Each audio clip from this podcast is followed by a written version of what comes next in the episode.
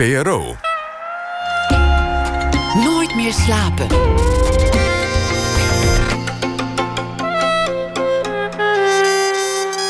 Met Liesbeth Staats.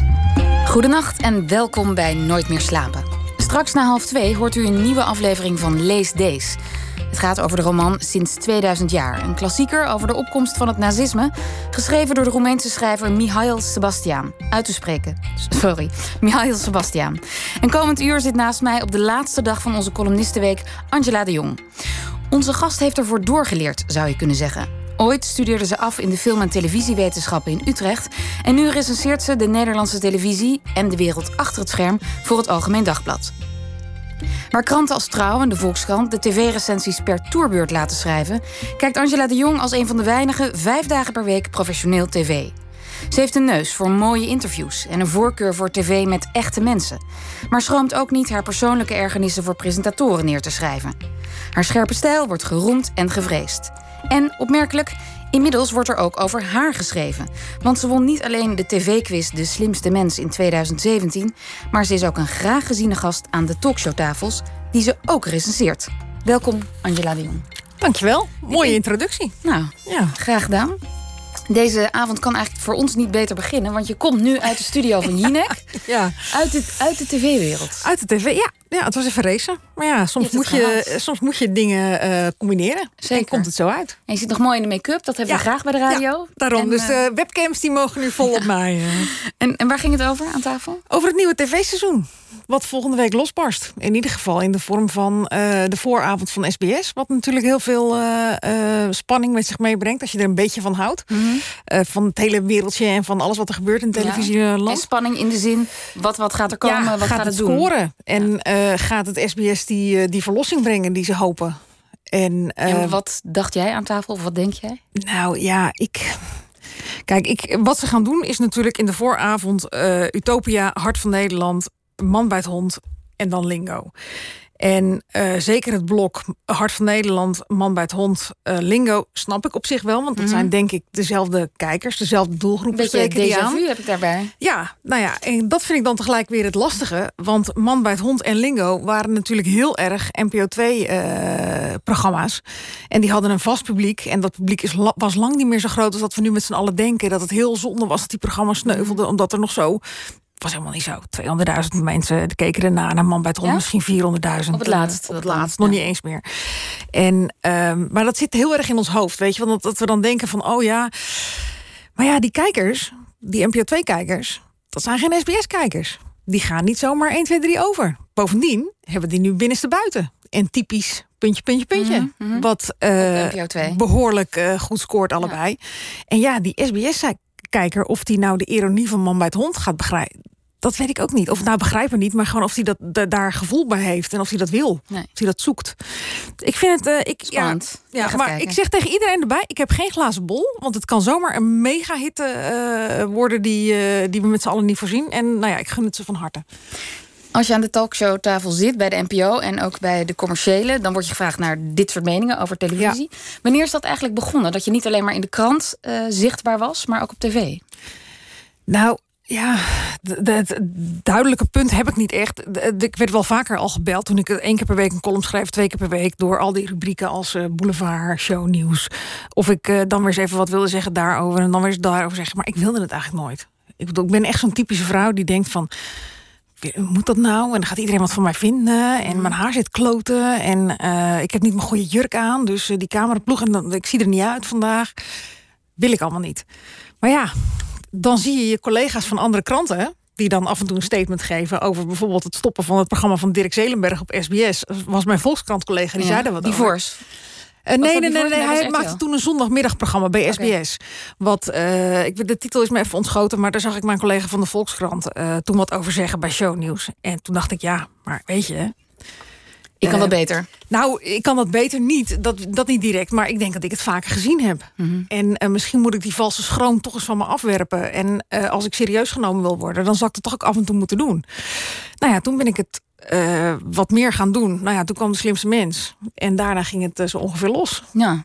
En je, als ik naar je kijk, dan lijkt het alsof je daar plezier in hebt.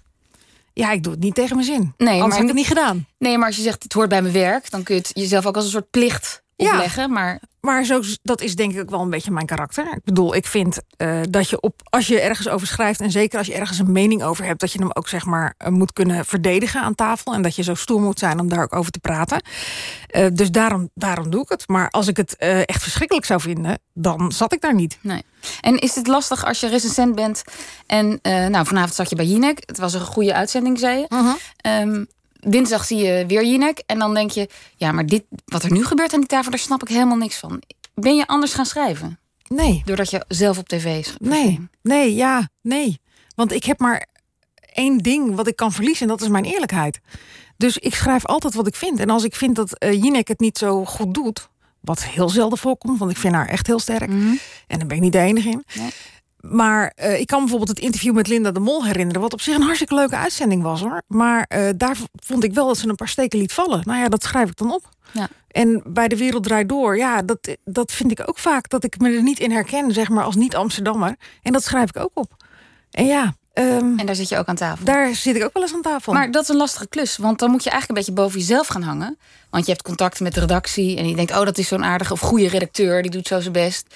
Lijkt mij moeilijk om je eigen scheidsrechter daarin te zijn, want heel veel dingen gebeuren ook onbewust. Ja, dat denk ik ook. Dus je, ja, ja, het- komt er eigenlijk altijd op neer dat ik denk van, ehm, ik heb die plek bij het AD en de andere kranten waar ik ook in sta, De regionale, ja. die heb ik omdat ik eh, eerlijk ben. En mensen lezen hem graag, omdat ik eigenlijk gewoon altijd schrijf wat ik denk. Of niet eigenlijk, ik schrijf altijd wat ik denk en altijd wat ik vind. En dat zijn vaak de dingen die mensen thuis ook denken. Dat is niet heel bewust, maar dat heb ik in de loop der jaren eh, gemerkt... dat dat heel vaak overeenkomt met een heel groot publiek. Dus ja, op het moment dat ik dat niet meer doe... en dat ik rekening ga zitten houden met... nou ja, ik vind Eva Jinek eh, eh, toch wel aardig... en die redactrice die zit ook daar Ja. graag... Ja, ik ben er graag te gast. Ik zit daar vanwege mijn column. En als mijn column niet meer gelezen wordt, zit ik daar ook niet. Dus ja, eh, ik heb maar nogmaals, ik heb één ding... en dat is mijn ongezouten eerlijke mening. ja. En je zegt, je zegt net, ja, die mening die herkennen veel mensen. Of ik merk dat mensen zich herkennen in mijn stukken. Je hebt jezelf meermaals eh, getypeerd als de gemiddelde Nederlander. Mhm. En, en waarom is dat zo? Of waarom denk je dat? Nou ja, dat is wat je dan hoort van eh, bijvoorbeeld mijn baas. Eh, en daarvoor ook al eh, mijn vorige hoofdredacteur. Ehm, er, ik betrek het nu gewoon heel even op de, op de AD-lezer. ja? Eh, je, iedereen maakt een soort eikpersonen. Voor, als medium. Van, Henk weet je, en wat in- doen de- oh ja, wij- laat ik dat dan vooral maar. Politieke partijen Ja. hebben het ook, maar media hebben het ook. Die, die hebben een bepaalde, eh, vaak eikpersonen waar je op richt. En eigenlijk viel ik altijd heel erg in dat beeld van eh, wat wij hadden van onze lezer. En dat klopt ook, want mijn vader en moeder lezen hem al 43 jaar, 44 jaar die krant. Het is ook mijn Het voelt heel erg als mijn krant. Ja. En als ik aan de lezer denk, dan denk ik altijd aan mijn ouders. Ja. En ehm, ik heb wel heel vaak gedacht, als ik het opschrijf, nou, dit kan eigenlijk niet. Want ja, ik ben vast de enige, dit is heel stom. En dan eh, krijg je toch weer 25 mail van, ah, dit vond ik ook precies. Ik zei dit nog tegen mijn man gisteren. Dat je denkt van, nou ja, weet je, aan de ene kant is het heel leuk. Aan de andere kant denk je, oh, zo uniek ben ik dus niet. Maar over het algemeen denk ik dat mijn smaak heel erg overeenkomt met het, met het gemiddelde van Nederland. Of het gemiddelde van de AD-lezer dan? En van, zeker van de AD-lezer, ja. Ja. ja. Maar de AD-lezer is ook wel redelijk de gemiddelde Nederlander. Maar toen ik mij voorbereidde op dit gesprek, toen, en ik zei trouwens net, je hebt gestudeerd, je bent afgestudeerd Mhm. in de film- en televisiewetenschappen. Je hebt een postdoc journalistiek gedaan. Nou, los nog van die hele postdoc, er zijn maar 15% van alle Nederlanders, er is maar 15% van alle Nederlanders die een universitaire af- eh, opleiding heeft afgerond. Mhm. En je kunt goed schrijven. Kan ook lang niet de gemiddelde Nederlander. Nee, maar dat zegt allebei denk ik niet zo heel veel over mijn karakter... en over waar ik vandaan kom en in welke kringen ik zit. En waar kom je vandaan? Een Uit een dorp heel klein dorp. en ehm, ik kom niet uit kringen waar het heel normaal is dat je een universitaire opleiding doet. Want mijn vader is vrachtwagenchauffeur, mijn moeder is kleuterjuf, later geworden. En ehm, ik was niet de eerste van de familie die ging studeren, eh, maar wel een van de weinigen.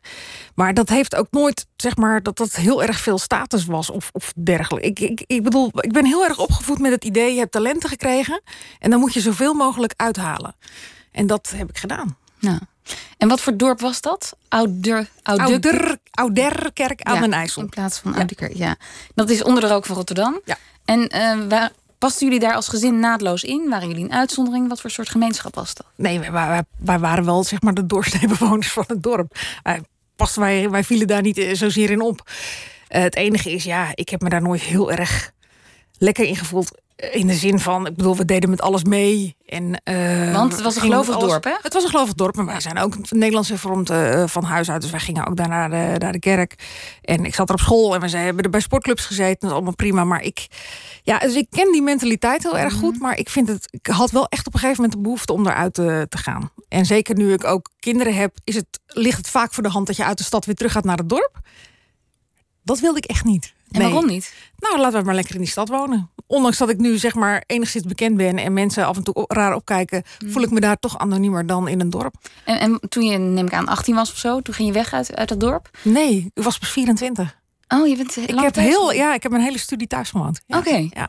Maar toch vo- voelde je op een gegeven moment de drang, eh ga Ja. de wereld verkennen. ja, ik vond het dorp niet zo heel leuk, maar ik kom uit een ontzettend warm gezin. En ehm, Ja, dat is moeilijk eh dat, ja, ik heb, ik heb nooit zo de behoefte gehad. Ik had het heel erg naar mijn zin. We, konden, we hadden genoeg vrijheid thuis.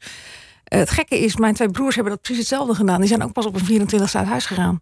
Wonen die daar nog? Nee, die wonen er ook allebei niet meer. Nee. Nee. En je ouders? Die wonen er nog wel. Ja. Ja. dus ik kom er nog één keer per week vaak. eh. En, eh, en, en wat was het, het argument om daar weg te gaan? Je zegt, ik voelde me niet heel erg thuis. Ik deed wel mee met alles, maar...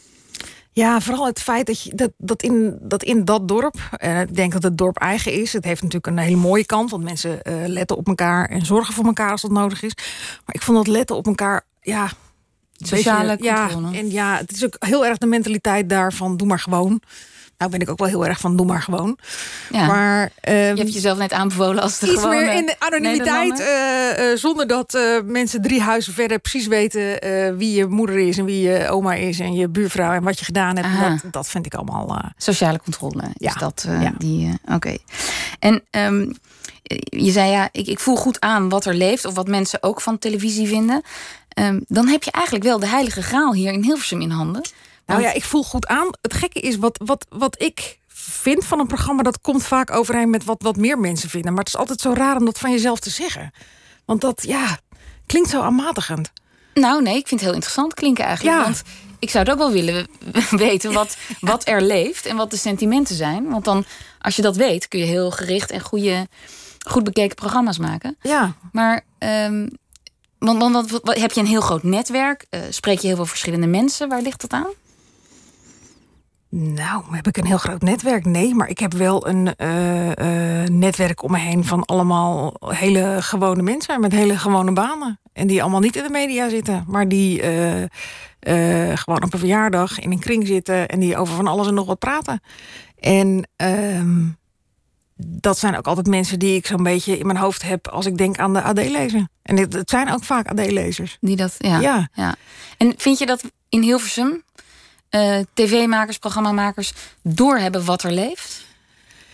Nou ja, ik vind wel dat er toch heel vaak een, eh, een soort Amsterdamse eh, bubbel is. En ehm, dat er heel vaak dingen ehm, worden verondersteld die ehm, misschien in Amsterdam zijn, of, of, of in de wat hogere kringen, of in bepaalde mensen met een bepaalde opvatting. Want het is vaak ook een beetje wat meer links. Wat ik merk, zeg maar, Mhm. hier zeker bij de publieke omroep. En daarvan denk ik wel eens van. Doe even twee stappen eruit en ehm, vraag je af of de mensen daar dan ook zo mee bezig Ja. zijn. En, of dat eh, ze ook alles precies weten. Weet je wel, iedere stap in dat proces. Sommige, Mhm. sommige dingen gaan gewoon over de hoofden van een hoop mensen heen. En geef eens een voorbeeld. Heb je het over Ehm, talkshows of ook over het journaal? Ik zeg maar wat. Of, eh, Ja, nou ja, ik denk dat. eh, ehm, ik had er net eentje in mijn hoofd. Dat, dat Trump, zeg maar, onze eh, journalistieke focus op Trump. Mhm. Dat die bij een hoop mensen wel eens is van, van. mag wel even een tandje minder. De erge dingen, de uitschieters, tuurlijk. Maar echt ieder filmpje, ieder dingetje, dat mag af en toe wel, eh, wel een tandje minder. En ehm, ja, het is ook vaak. Nou, ehm voorbeeld is bijvoorbeeld eh, de zaak van Lillian Howick. Daar heb ik me echt als eh, ja, het afgelopen seizoen. Twee Armeense kinderen die eh, uitgezet werden. Die moesten Ja. terug naar Armenië. Wilden niet en hebben dat eh, nou ja, tot en met weglopen voor de ehm, politie nou ja, doorgevoerd. En uiteindelijk mochten ze blijven. Dus vat ik het even heel erg kort aan. Ja. En de tendens, anderhalve week denk ik op televisie, was: het is verschrikkelijk dat die kinderen weg moeten. En dat kan niet. En daar was ontzettend veel consensus over aan de talkshowtafels, overal. En ehm, daarvan miste ik op een gegeven moment toch wel een beetje het uh, tegengeluid. Wat notabene kwam op een gegeven moment van Job Cohen. Notabene, zeg je? Ja, omdat hij toch zeg maar van de PvdA is. En je dat niet 1, 2, 3 verwacht. Maar waarschijnlijk vanuit zijn achtergrond wel meevoelde met Mark Harbers. Die het natuurlijk onwijs moeilijk had in dat hele proces. Met dat dossier, ja. En die zei van ja, weet je, we kunnen nu allemaal heel opgelucht doen. Maar er hier zit wel een staatssecretaris die uh, met een president zit nu. En die een heel moeilijke beslissing. En ja, weet je, je gaat ook mensen belonen op een manier die misschien niet helemaal. We hebben de regels gevolgd en ze hadden gewoon geen recht om te blijven. Nou ja, en ik denk dat uh, een heel groot deel van de mensen in het land uh, dat ook wel daar wel mee zat. Want ik bedoel, als je die twee kinderen ziet, dan denk je van, uh, ah joh, weet je, blijf hier, tuurlijk. Dan is je moederhart uh, mm. of gewoon je hart denkt van, Nederland is groot genoeg. Maar ja, het is ook een beetje de firma list en bedrog die dan aan het werk is. En waarvan je denkt van, ja, we hebben met z'n allen wel de regels afgesproken. En als we daar ons niet meer aan houden, dan, dan wordt het ook een zootje in Nederland. En, en jij zegt, ja, als er dan zo'n kwestie is, dan zien we vooral die ene kant. Ja, dan is de natuurlijke reflex van heel veel journalisten om uh, meer te zitten in, nou ja, weet je, het is heel zielig en die kinderen moeten vooral blijven. En het is heel raar dat we uh, die twee kinderen gaan uitzetten. En is dat links? Nou ja, dat zou je als links kunnen betitelen, maar ik vind het altijd een beetje ingewikkelde uh, termen. Want is het nou links? Is het nou Amsterdams? Is het nou randstedelijk? Nou ja, ik vind het vaak ja, toch een beetje een verschil tussen intellectueel willen doen en het hmm. gezonde verstand. Hmm. Ik zit even hard op mijn verstand. Ik denk na. Ik heb um, bij het jeugdjournaal gewerkt. En daar hebben we heel veel van dit soort zaken kwamen mhm. op ons bordje. Die kinderen woonden bijna allemaal in de provincie, of heel vaak in de provincie. En het viel mij altijd op als je daarheen ging om een verslag van te doen, dat zo'n hele dorpsgemeenschap vaak opstond. En dat waren bepaald niet, uh, nou ja, zogenaamde intellectuelen uit de grachtengordel. Ik dacht dan, dan dacht ik juist, jeetje, als, als, als dat vraagstuk een gezicht krijgt, of een gezichtje, mhm dan is iedereen links en rechts als één man achter die kinderen. Zo'n dorp vaak. Ja, ik heb dat ook aan de lijve ondervonden. Uh, en daarom uh, uh, snap ik ook. Eh, weet je, het is altijd. Het komt neer op een wat lastige discussie. mijn, we hebben een uur. We hebben een uur. wat, wat vaak ook een probleem is met talkshows, is dat je mensen aan tafel hebt die een sterke mening hebben over iets. Dus die vinden of het is zwart of het is wit. Want dat levert leuke televisie op en dat botst lekker. En je hebt tien minuten voor een gemiddeld gesprek. En uh, ik denk dat het gros van de mensen uh, ergens in het midden zit. Tussen dat zwart en dat wit. En uh, vooral meer grijs is. Als je een foto ziet van een jochie wat verdrinkt. Op, zo'n, op een vlucht naar een veiliger heen komen. Denkt iedereen bij die vluchtelingencrisis. Nou, weet je wat, kom met z'n allen. Want we willen jullie uh, aan ons hart drukken. En uh, dit, dit verdient niemand in de wereld. Tegelijkertijd, als een dorp wordt overspoeld door 400 asielzoekers... ja, dan snap ik ook wel dat dat echt wel een probleem is. Dat hebben wij zelf ook gehad in het dorp waar ik vandaan kwam. Dat was best wel schrikken. Want dat hele dorp stond op zijn mhm. kop toen daar opeens uh, heel veel uh, asielzoekers waren. Uh, het einde van het dus er waren protesten en we wilden, ze wilden die asielboot niet. En weet ik veel wat. Einde van het liedje, twee jaar later, werd er een petitie ingediend of die asielboot alsjeblieft kon blijven. Want de kerk had zich erover ontfermd en een hele hoop vrijwilligers. dus weet je, soms moet je dingen ook een beetje laten betijen en, en, en laten gaan. En juist dat, dat grijze middengebied waar je het dan over hebt, uh, het begrip aan de ene kant en het begrip aan de andere kant. Ja, dat is voor televisieprogramma's vaak niet zo sexy. En dat snap ik heus, dat snap ik heel erg. En toch vind ik het als tv-kijker mis ik dat af en toe. Ja, maar dat, dat lees je weer wel in de krant, bijvoorbeeld. Die nuance. Ja, niet in alle kranten, maar in uh, sommige kranten wel. Ja. Ja. ja.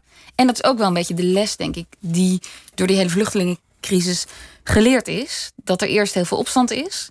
En dan vaak wat jij net beschrijft gebeurt van laat ze alsjeblieft blijven. Of gooi dat AZC niet dicht. Dus daarom... En er zijn ook natuurlijk uh, hele vervelende voorbeelden waar het helemaal niet goed gaat. Nee. Nee, maar dat klopt. Maar daarom moet je mensen die uh, in eerste instantie hun hakken in het zand zetten, niet te hard veroordelen en meteen roepen dat iedereen racist is. Want dat is vaak onbekend maakt onbemind.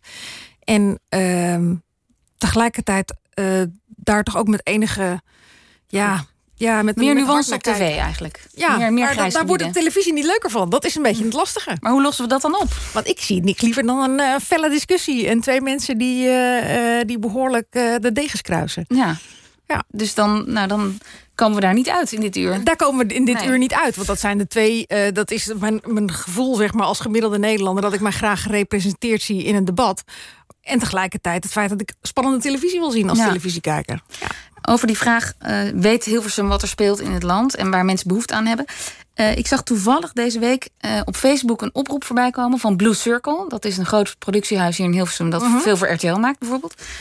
En die riepen op, die zochten single vrouwen die zich wilden laten opsluiten een week in een appartement met vijf mannen, single vrijgezelle mannen. Mhm, En dan mochten ze iedere dag één man wegstemmen om uiteindelijk dan op vrijdag met eentje over te blijven en een match te hebben. Toen dacht ik, nou, volgens mij heb ik dit al een keer gezien. Zo'n soort programma. Mhm. En is dit waar mensen behoefte aan hebben? Dat ga ik vanavond aan Angela vragen. Ja, dat weet ik niet. Het ligt er een beetje aan. Het klinkt denk ik als een RTL 5 format. Wat een beetje eh, spannend is. Ik had er nog niks van gezien. Ehm, maar ja, Nee, daten, blijft, niet, daten blijft ook hot. Zeg maar. Uh, SBS gaat het nu weer doen met Wendy van Dijk. Flirty Dancing. Uh, Flirty Dancing? Flirty Dancing. Wat een goede naam. Ja, hè? Ja, dat vind ik echt ja daarom. Wij, met onze leeftijd, wij denken van... Ja, Dirty kijk, Dancing. We denken meteen aan Patrick Swayze. Ja. ja. Ehm Boeze Vrouw blijft natuurlijk een, eh, een kijkcijfer topper van, eh, van je welste. Dus ja, ehm, dat hele Love Island is ook een beetje dat daten eh, gebeuren. Nou, dat zal een beetje dit en die lijn zijn, schat ik in. Ja, het wordt niet voor mij gemaakt. Denk ik dan altijd maar. Nou ja, maar, maar wel misschien dus voor heel veel Nederlanders... die niet genoeg kunnen krijgen van, eh, van daten. Ja, nou, ik moet nog zien dat dit zeg maar echt zo eh, gigantisch gaat scoren. Maar je weet het niet. Je weet het niet. Ik kondigde je aan als columnist, want het is tenslotte de columnistenweek. Maar je, bent, eigenlijk- je recenseert. Je recenseert voor tv. Vind je Ja. jezelf meer een recensent of een columnist? Nee, ik noem mezelf altijd columnist. Eh, omdat een tv-recensent heeft het eigenlijk altijd over tv-programma's. Mhm. En ik zie mijn taak eigenlijk veel, of mijn werkveld, veel breder. Ik wil het ook hebben over eh, eh, veranderingen in de televisiewereld, over transfers, over de minister die met plannen komt voor de NPO, over eh, desnoods een trui die Mart Smeets draagt. Ehm, en om mijzelf zo, het zo makkelijk mogelijk te maken, noem ik me dus gewoon tv-columnist. Of tv-commentator, of net hoe je het wil, wil noemen. Zoals je een politiek commentator hebt. Ja, Of een sportcolumnist. ja. En voel jij je vrij om het ook over andere dingen dan de media te hebben? Kun jij, schrijf je veel over je persoonlijk leven? Eh, nee, dat doe ik bewust eigenlijk heel weinig. Eh, ik deed in het begin meer. Maar ehm, nou ja, met het bekender worden en meer gelezen worden... komt er natuurlijk ook meer kritiek. Dat is de andere de, de keerzijde van de medaille. Eh, dus ik heb heel doelbewust gekozen om het zo min mogelijk over mijn kinderen te hebben in mijn columns. Want dat is dan toch zeg maar mijn persoonlijk leven. Dat zijn mijn kinderen. Ja. En ehm, alle kritiek eh, daarop, eh, nou ja, die raakt me net iets harder dan eh, als je schrijft of je me lelijk vindt of heel erg dik. Dus ik, daar bescherm ik mezelf mee. Nee, ja. Ja. En het feit dat je columnist bent, geeft dat jou ook wel de vrijheid om ook persoonlijke ergernissen in die column te schrijven? Dat denk ik ook, dat ik dat kan doen. Maar het geeft mij vooral de vrijheid om ook eens ehm, een, een, een politieke ontwikkeling... als waar we het net over hebben, om, om zeg maar... dat is niet heel erg des tv-recensents, denk ik, om dat te signaleren. Maar eh, mijn krant vindt het heel fijn als ik ook af en toe daar... zeg maar, mijn eh, visie of mijn eh, geluid over laat horen. Ja. Omdat het iets is wat we, wat we minder hebben in de krant. Een toch wat meer rechtse blik. Ehm, nou ja, en daar word ik ook alleen maar in aangemoedigd om dat dan af en toe te doen. Ik, ik zou jou hè, niet echt als rechts of zo typeren. Ik, ik denk dat je. ehm, Nee, ik, je, ja. schrijft, je schrijft heel erg je eigen mening. Mhm. Maar ik vind dat die niet eh, heel consequent rechts is. Nee, ik lees ook wel eens dat ik echt extreem links ben. En dan vind ik, dan moet ik altijd heel hard om lachen. En, want dan denk ik van, oh, nou ja, dat zal dan wel. Ja. Ja. Kan ook, ja. Maar ben je dan meer een columnist? Schuif je meer op naar de traditie van Nico Dijkshoorn, Joep van het Hek? Nee, nee. Laat, Nee. Ik, ik, dat denk ik niet. Ik denk dat ik, ja, dat ik gewoon mijn eigen ehm, Ja. plekje heb. En de, ene, de mengvorm die ik heel erg fijn vind. eh, ehm, en daar gelukkig ook alle vrijheid voor krijg. Ja. Bij de krant waar ik werk. Ik vind je columns heel goed. Ze zijn technisch heel sterk opgebouwd. Je, je onderbouwt meningen altijd met argumenten. Er zit een punt in. Je gaat mee in jouw gedachten, een bochtje, maar je komt altijd weer uit bij het punt dat je wil maken. En eh, wat ik dan opmerkelijk vind, is dat jij ook die persoonlijke ergernis gebruikt in je columns. En ik vroeg me af, is dat een, eh, iets wat, wat in jouw karakter zit? Of vind je dat een mooie stijlvorm? Soms kan ik hem niet helemaal goed plaatsen. Ja, ik doe maar wat. Daar komt het eigenlijk op neer. Ik doe maar wat. Nee, maar dat is eigenlijk wel. Ik, ik bedenk heel vaak. ehm, als ik niet zo goed weet eh, hoe ik het moet opbouwen, hoe zou ik het aan mijn moeder vertellen? Eh, dat vind ik een hele. eh, dat helpt me altijd als ik vastzit. En daarbij vind ik niks zo vervelend als dat ik ergens aan begin een stukje en ik eindig ergens en ik snap niet zo goed wat de pointe is. En ik kan ook eh 1 en 2 en 3, wat wordt opgevoerd, niet met elkaar verbinden. Dus ik zorg altijd wel dat die een soort rond is. Dat het begin weer terugkomt Ja, bij dat- het einde. En, ja, je maakt altijd een rond verhaal. Ja. Maar bijvoorbeeld als je schrijft... ik herinner me één uitspraak dat je een acute allergie hebt... als het over Sunny Bergman gaat. Ja, Toen dacht ik, nou, maar zorgt zo'n allergie... zo'n persoonlijke allergie en ergernis... er dan niet voor dat jij de volgende documentaire die zij maakt... in alle omvangenheid kan zien? Want dat is je taak. Mensen lezen de krant, lezen jou... om eh, hun mening te vormen ook... over de nieuwe documentaire van Sunny Bergman... waar ze ook iets van vinden. Ja. Eh, maar nou denk ik dat mijn kijkers die allergie wel enigszins herkennen. Of mijn lezers de, de allergie wel enigszins begrijpen.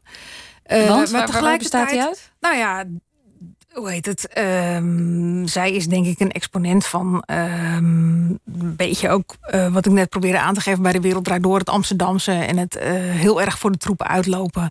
En dingen groter maken dan ze eigenlijk zouden moeten zijn. En ik vond haar laatste documentaire echt niet zo goed. Ik vond hem ook niet zo heel goed in elkaar zitten over het verschil tussen mannen en vrouwen. Maar als zij daarna met iets komt wat ik wel echt heel erg goed vind, dan benoem ik dat ook. Maar kun je daar... Ik, ik zit ondertussen ook naar voorbeelden te noemen om de, of te zoeken om dat even dan zo te zeggen van kijk, ik vind die ook niks, maar ik vind dit een hartstikke leuk programma.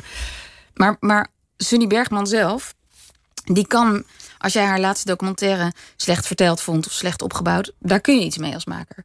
Maar met jouw acute allergieaanval kan zij niks. Nee. Daar word je niet beter van. Nee, maar dat, dat is niet mijn belangrijkste taak, zeg maar, om mensen beter te maken of programmamakers beter te maken.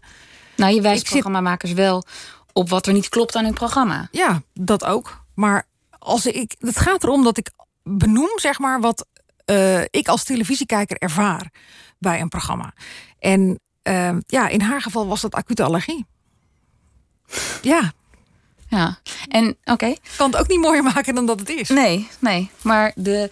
ehm, Ik zal niet zeggen dat het heel aardig is, dat ben ik helemaal met je eens. nee, maar dat hoeft ook niet, hè? heel leuk Ik- ik is vind om te jij- lezen eh, eh, voor haar. Nee, dat snap ik ook We gaan het niet hebben over de toon, want dat staat je helemaal vrij als columnist. Dat, Ja. dat is een. eh, en je bent niet de enige hoor. Er wordt in Nederland heel, veel, heel snel fel geschreven Mhm. over Twan Huis, over Art Royakkers. Nieuwe programma's krijgen, vind ik, in ons klimaat weinig tijd om te groeien. Ja, dat is denk ik een beetje de tijd. Ja, maar Ja. als maker denk ik dan, ja, is dat niet de dood in de voor de creativiteit? Gaan omroepbazen dan niet nog, ehm, nou ja, voorzichtiger ja zeggen tegen gewaagde projecten? Ja, en die kiezen dan weer voor oude vertrouwde titels, zoals je nu ziet.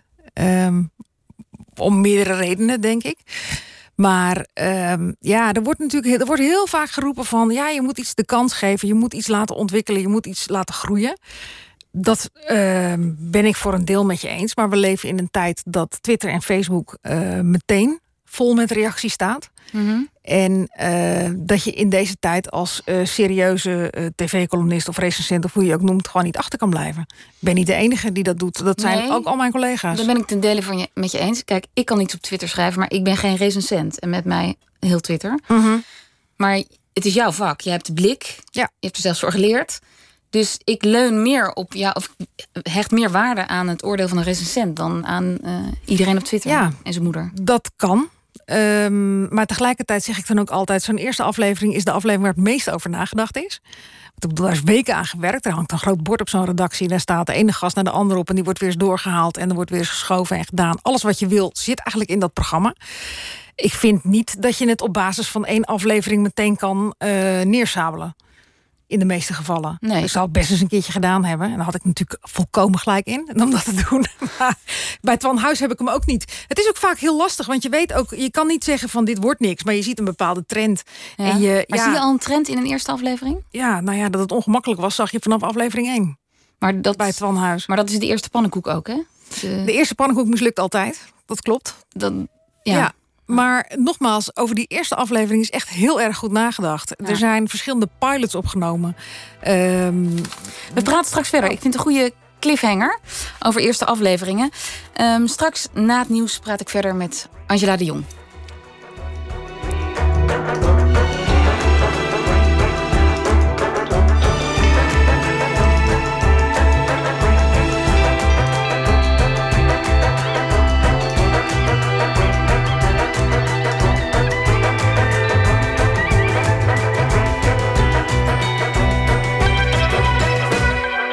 Radio 1. Het nieuws van alle kanten.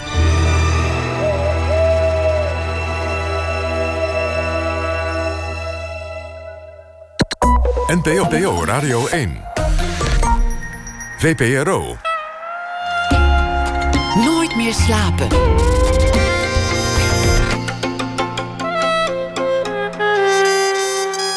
Met Liesbeth Staats.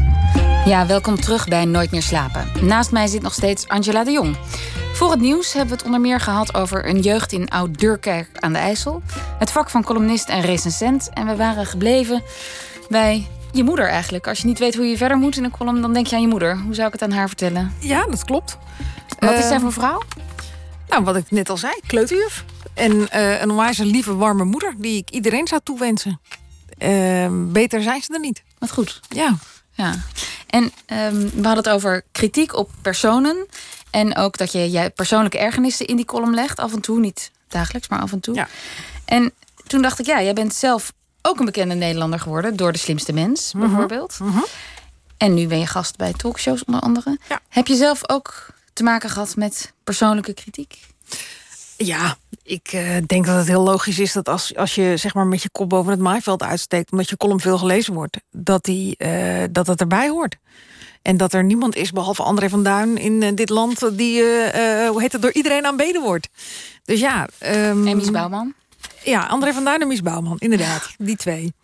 Die, ehm, ja, dus, dus dat hoort er een beetje bij. En ehm, ja, ik moet, soms, ik moet soms gewoon heel erg grinniken... als ik soms mensen over mij hoor praten. Of, of iets lees, of, of wat dan ook. Dat ik denk van, wat een eer. Wat een eer, oh ja. Ja, wat een eer. Ik bedoel, Aafbrand Korsjes heeft pas een hele column aan mij gewijd. Dat ik dacht, Aan jou? van, aan mij? Waar heb ik dat? Nou, mensen, het mag wel in de krant, dacht ik.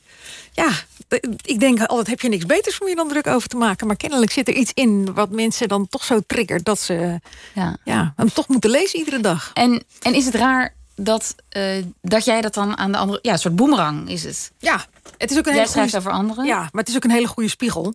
Eh, want dat ehm, merkte ik natuurlijk ook wel door de slimste mens... als er heel heftig op je gereageerd wordt. Wat het met je doet als er dus iemand over je schrijft. Mhm. En of dat nou op Twitter is of een, of een columnist. Jij zei net van ik hecht meer waarde aan het oordeel van de recensent. Twitter kan ook behoorlijk eh, confronterend zijn. Eh, misschien nog wel harder eh zelfs. Ja, want makkelijker. Jij denkt na over een stukje. Ja, Lees het vijf keer door. Ja, en ik zorg dat het niet onder de gordel eh, is. En daar kun je, kun je op dat- Twitter heel wat van leren, moet ik zeggen. Maar vind je dat je altijd boven de gordel blijft? Ja, zeker. Ook als het een. En die acute allergie, dat is ook boven de gor- gordel. Daar hadden we het net over. Ja, dat is boven de gordel. Ja. Het is niet heel aardig, dat blijf ik bij. Of althans, dat zei ik net ook al. Dus Mhm. dat geef ik onmiddellijk toe dat het niet heel aardig is. Maar het is niet onder de gordel. Nee. Onder de gordel vind ik, als ik het bijvoorbeeld over eh er uiterlijk zou gaan hebben. Of, of ehm, nou ja, zo kan ik nog wel wat dingen doen. Maar dan ga ik ze alsnog benoemen en dat wil ik niet. Maar eh, onder de gordel kan het kan echt een stuk erger. Zeker. Het kan Ja. zeker een stuk erger. Maar heb jij een soort grens voor jezelf? Uiterlijk bijvoorbeeld? Ja, ik heb het eigenlijk niet of nooit over uiterlijk. Eh, tenzij het eh, eh, gaat over hoge hakken. Ik kan me een column herinneren dat ik ooit over hoge hakken heb geschreven. Paul Remmer had een eh tweet eruit gedaan... dat hij de hoge hakken voor de journaallezeressen zo slecht van de rug vond... als fys- oud, oud fysiotherapeut. En toen dacht ik, nee, ja, ze moeten wel die hakken aanhouden... want ik bedoel, ik ben dol op hakken. Mhm. Dus daar heb ik toen. Dus ja, dan gaat het wel zeg maar deels over uiterlijk. Dus je kan nooit zeggen dat je het er nooit over hebt. Maar ik heb het niet over uiterlijk ehm, van mensen. En ehm, alles wat ik eh, benoem is functioneel. Ik eh, ehm, herinner me dat je een eh, column schreef. Of in ieder geval je benoemde dat. Je benoemde Wendy van Dijk als een, een ster op haar retour. En Gordon Ja, het weer. stond er iets anders. Dat, dat, zo hebben ze het uitgelegd. Maar Hoe stond ja, het er? Dat, ja, eh, dat zijn altijd. Ik heb ze hier niet bij de hand. Ik kan op de site gaan zoeken. Eh, maar dat ze in ieder geval de eh, populariteit tanende was. Oké. Ja. Oké. En het gaat me eigenlijk meer op de reactie daarop. Mhm. Want toen ging Gordon, die Ja. trok van leer. Ja. En die, nou, die wilde zelfs met je in debat. Mhm. Waar die vervolgens niet kwam. Nee. Maar in ieder geval, hij, hij, nou, dat, dat ontaarde in een soort vuilbekkerij. Want hij werd wel heel persoonlijk en over je uiterlijk. En, Ja. en eh, onder de gordel. Toen dacht ik echt, ja, wa- wat hebben we aan zo'n escalatie? Waar brengt dat ons? Leren we daar meer over over tv? Nee, maar ik heb hem in die zin ook niet eh, ehm, ik was niet degene die zeg maar met die tirade over mij begon. Ik bedoel, hij koos daar zelf voor. Ik had dat denk ik in zijn geval niet zo heel snel gedaan. Ik had gedacht van, weet je, ik hou mijn mond en eh, als ik er niet over begin, bestaat ze niet. Dat zou ik geredeneerd hebben. Maar ehm, ja, hij koos voor een andere, eh, andere weg. Ja. We hadden het net voor het nieuws ook al even over de cultuur in Nederland, eh, waarin we heel graag heel snel iets over een televisieprogramma vinden. Mhm. Recensenten, ehm, mensen die geen recensent zijn, Ja. ehm, mensen uit het vak en mensen buiten het vak. En wat dat doet voor de creativiteit in Hilversum. Toen jij net vertelde over het dorp waar je vandaan kwam en dat de sociale controle daar zo groot was, Mhm. is dit ook een vorm van sociale controle waarin we heel erg streng voor elkaar zijn? Die social media, ja, dat denk ik wel. Twitter en Facebook en al die. eh, ik denk dat ehm, het leven er een, een, en de hele maatschappij er een stuk anders uitzag als we het niet hadden. Maar we kunnen niet meer terug. Maar voor mij mogen ze het vandaag en morgen opheffen. Maar hebben ze ook invloed op jou als recensent? Eh, nou, ik zit niet op Twitter. En eh, ik zit ook eigenlijk niet op Facebook. Mijn column staat wel zeg maar altijd op Facebook. Eh, die zetten collega's daarop. Want het is natuurlijk een heel mooi eh, Mhm. middel om zeg maar de aandacht te genereren. Dus de krant vindt dat heel belangrijk. Maar ik, ehm, ik kan daar gewoon niet zoveel mee. Met dat hele Twitter. Ik vind het altijd zo'n ontzettend ego-kabinet van mensen die ook zo nodig eh, een podiumpje willen. En dat het voor elkaar vliegen afvangen in de meest negatieve dingen vaak. Nou ja, moeten ze vooral doen. Maar- En ik ben zelf gewoon ook iets te opvliegend. Ik bedoel, ik zou er Oh, zou onmiddellijk spijt hebben. Ik zou compleet ontsporen ook met, eh, met Twitter, zeg ik altijd. Ja. Maar het feit dat eh, het zo snel gaat, je zit er niet op, maar je weet dat het gebeurt, ja. geeft dat extra druk aan het, aan het vak. Nou, ja, aan de ene kant wel. Want eh, mede door Twitter kun je gewoon niet meer vier dagen wachten... eh, totdat je met een oordeel komt over een programma wat heel belangrijk is... en de eerste uitzending beleeft.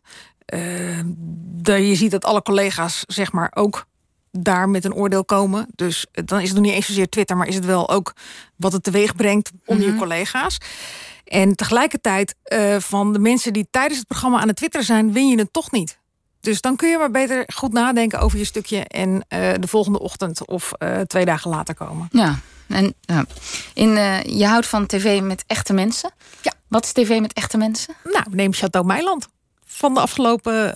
SBS? Ja, dat, dat zijn toch... En ik was er, als ik heel eerlijk ben, van tevoren heel erg voor beducht. Want ik vond ze geweldig in Ik Vertrek. Ja, je moet misschien heel even uitleggen wie het zijn, naar Ja. wie we kijken en wat, wat het programma behelst. Het zijn eh Martien en Erika, eh, die eh, tien jaar geleden aan Ik Vertrek hebben meegedaan. Die hadden een eh, Frans kasteel gekocht, opgeknapt.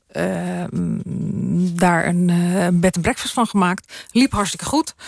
Maar de grootste eh, bijzonderheid van die aflevering was eigenlijk... dat je heel duidelijk als kijker kon zien dat, dat het huwelijk niet helemaal klopte. Hij was overduidelijk homo, is overduidelijk homo. En ehm, ze waren wel getrouwd, maar wat er nou nog precies was tussen die twee... nou ja, dat was voer voor iedereen om daar zijn eigen ideeën bij te hebben. Later bleek ook inderdaad, toen is hij uit de kast gekomen... en zij zijn gescheiden. Maar goed, ze kunnen toch niet zonder elkaar. Wat al heel bijzonder is, want Ja. ze vinden elkaar gewoon... eh, ze zijn dol op elkaar en eh, ze hebben zoveel lol. Nu citeer ik ze zelf maar... eh, dat ze nog steeds samenwonen en opnieuw getrouwd zijn. Ze hebben ook twee dochters. En nou ja, wat schets je verbazing? Tien jaar later weer een kasteel gekocht en ehm, opgeknapt. En daar is natuurlijk een camera bij geweest. En ik dacht, oh alsjeblieft, dit wordt natuurlijk weer zo verschrikkelijk in scène gezet... met allemaal van die overdreven mensen. En ze gaan natuurlijk alles uitventen. En nou ja, vanaf de eerste minuut viel ik er ongeveer... ging ik er met boter en suiker eh, eh, in. Want wat En- zag je? nou ja, toch gewoon twee ontzettend onwijs leuke mensen die heel erg zichzelf zijn. En wat ik heel knap eraan vind, is dat ze ehm, totaal niet bevreesd waren voor de social media. En zich daar ook niet aan aanpast. En dat, dat zie je wel nu steeds meer in een hele hoop formats terug. Zelfs bij Boezek Vrouw afgelopen periode, afgelopen seizoen. Dat mensen toch wel een beetje bang worden eh, van de reacties op Twitter... en proberen een zo goed mogelijk beeld van zichzelf neer te zetten. Dat zei ook een van de boerinnen na afloop tegen me... van ja, hallo, wij komen niet uit een ei... want wij weten heus wel wat social media doen... dus we gaan ons niet als complete idioten gedragen. Eh, maar bij hen zag je dat ze gewoon zichzelf waren. Want ik bedoel, eh, de manier, de explosieve manier waarop ze met elkaar communiceren, die ik heerlijk vind. eh, er, werd ook, er werd niks geprobeerd om het mooier te maken dan dat het was. Ze bleven zichzelf compleet over de top. En ja, het- ja. ja. gewel- het, het, het zijn echt, en ik bedoel, Ze ik ben zijn niet de enige. Heel, nee, nee, ze- nee, ja, en toch ook weer wel. Ze zijn totaal niet gemiddeld, maar ze zijn uh, wel hele normale mensen. Die een leven leiden waar we ons toch allemaal van alles bij voor kunnen stellen. En tegelijkertijd in hun soort zijn ze heel uniek. Ja, dat en, je bent ook een fan van We zijn er bijna? Ja. Van Omroep Max. Is dat om dezelfde redenen?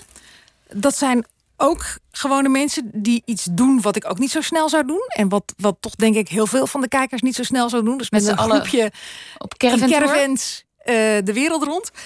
Maar um, ja, ook dat vind ik altijd in zijn eigenheid. Het zijn gewone mensen die iets voor hun doen, bijzonders doen. En uh, Max is er meester in, Omroep Max, het is een Omroep Max-programma... om gewone mensen op een voetstuk te zetten. En om ze in hun badjas met een wc-rol en een toilettas... onder hun, naar dit badhuis te zien eh, lopen en weer terug. Maar vooral ook te zien genieten van de kleine dingen. Ja, dat raakt mij heel erg in dat format. En, en wat raakt je daar dan aan? Uh, omdat je het herkent uit je omgeving of omdat je... Um... Nou, nee, ik denk vaak dat het uh, je weer eens aan het denken zet. Over hoe gewoon sommige dingen zijn voor je. En hoe makkelijk je aan bepaalde dingen voorbij dendert. Maar dat het geluk inderdaad zit in soms in een witte hartmanstoel voor je eigen caravan. Met je meegebrachte koffie uit Nederland, gezet op je eigen filter. Uh, dat het daar dan ook in kan zitten. En dat je niet altijd maar meer en al die hipsterstranden... en, en al die Instagram-foto's van mensen in de meest perfecte badpakken... in de, de infinity pools, waar ook ter wereld maar dat het ook anders kan. Dat, dat tevreden zijn. Dat straalt dat programma zo fantastisch uit. Dat vind ik echt. En zien we dat te weinig? nou, ik weet niet of we dat te weinig zien, maar dat is wel. nou, nou, ja, dat is wat dat programma mij. Uh, waar zeg maar dat mij altijd. Dat raakt mij altijd. Dat ik denk van, oh ja, weet je, ik ben, ik bedoel, ik ben niet anders dan de meeste mensen. Dus iedereen is in zijn hoofd bezig van, oh ja, dan dat en dan dat en dan dat en dan zus. En als ik dan dit en ik wil toch nog even de nieuw, die nieuwe dat en die zus.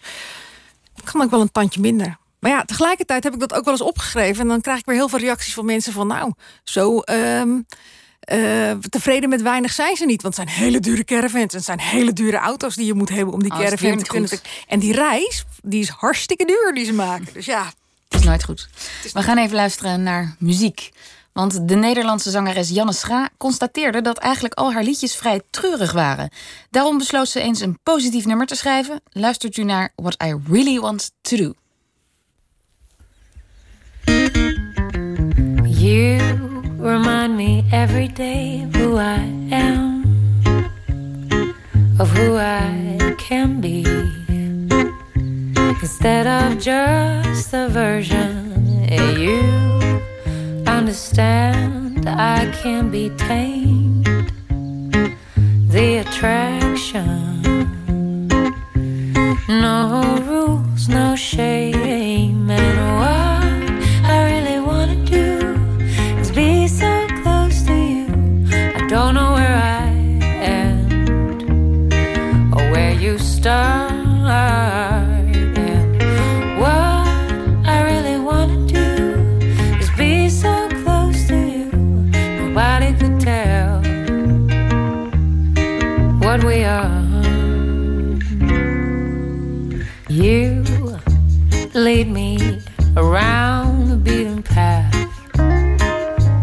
Jungle.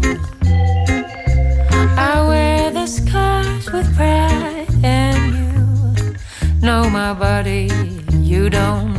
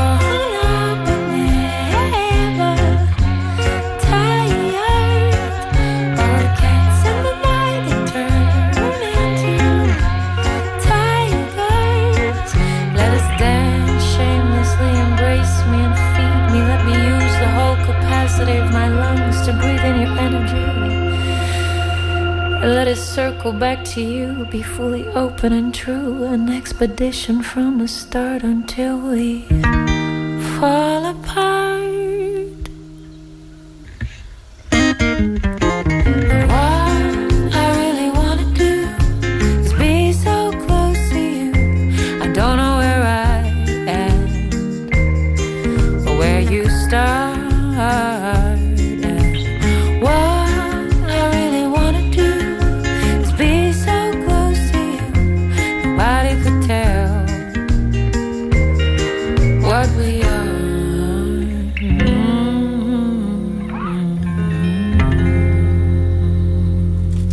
Janne Schra, What I Really Want To Do was dit.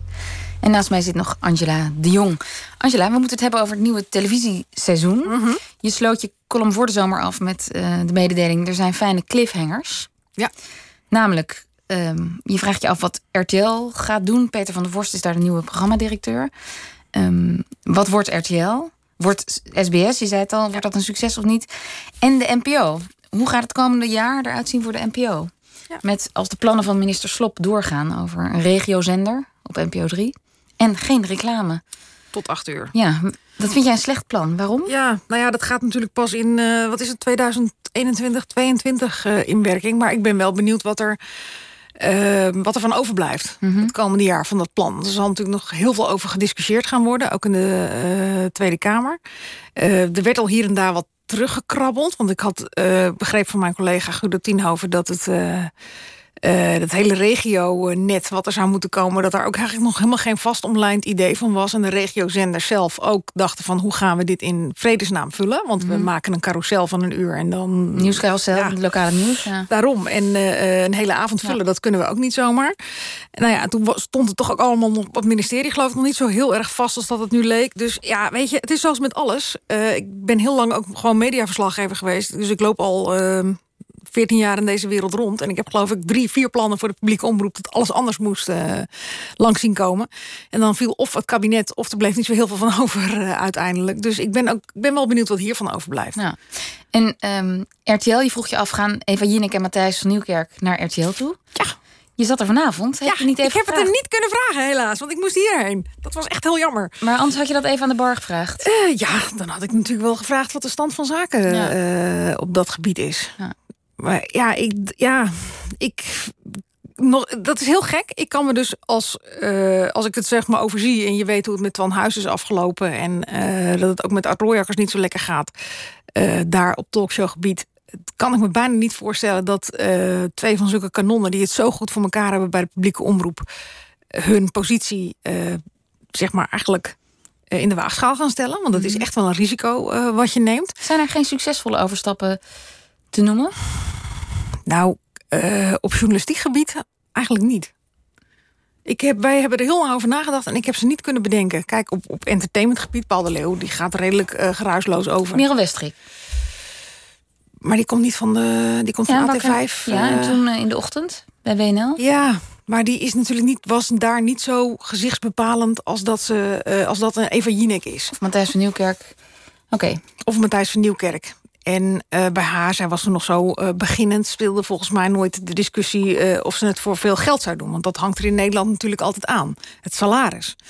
Wat ik overigens, als een van die twee zou besluiten... Om, om die reden over te stappen, eigenlijk best wel verklaarbaar vind. Want er zit zo'n enorm gat tussen wat je bij de publieke omroep mag verdienen... en wat je bij de commerciële kan verdienen. maar er zijn zij. hele creatieve constructies voor mogelijk. Ja, nou ja, die, die bestaan volgens mij niet op dit moment. En ehm, ik weet dat eh, met name Eva echt vindt dat ze, als je bij de publieke omroep werkt, dat je ook gewoon eh, je daaraan Mhm. moet conformeren. Mhm. Dat de En- balken er, en de norm Ja. er niet voor niets is. Die er is. Maar ehm, ja, weet je, ehm, aan de andere Maar gaat kant. het alleen maar over geld? Want nee, je ja. kan toch ook zeggen, nou, ik wil wel eens met andere mensen werken... of in een andere organisatie. Of een ander tijdslot wat bij de NPO veel lastiger ligt. Of Ja, moet meer dat zou doen. inderdaad een, dat zou een hele goede Ja. eh, reden kunnen zijn.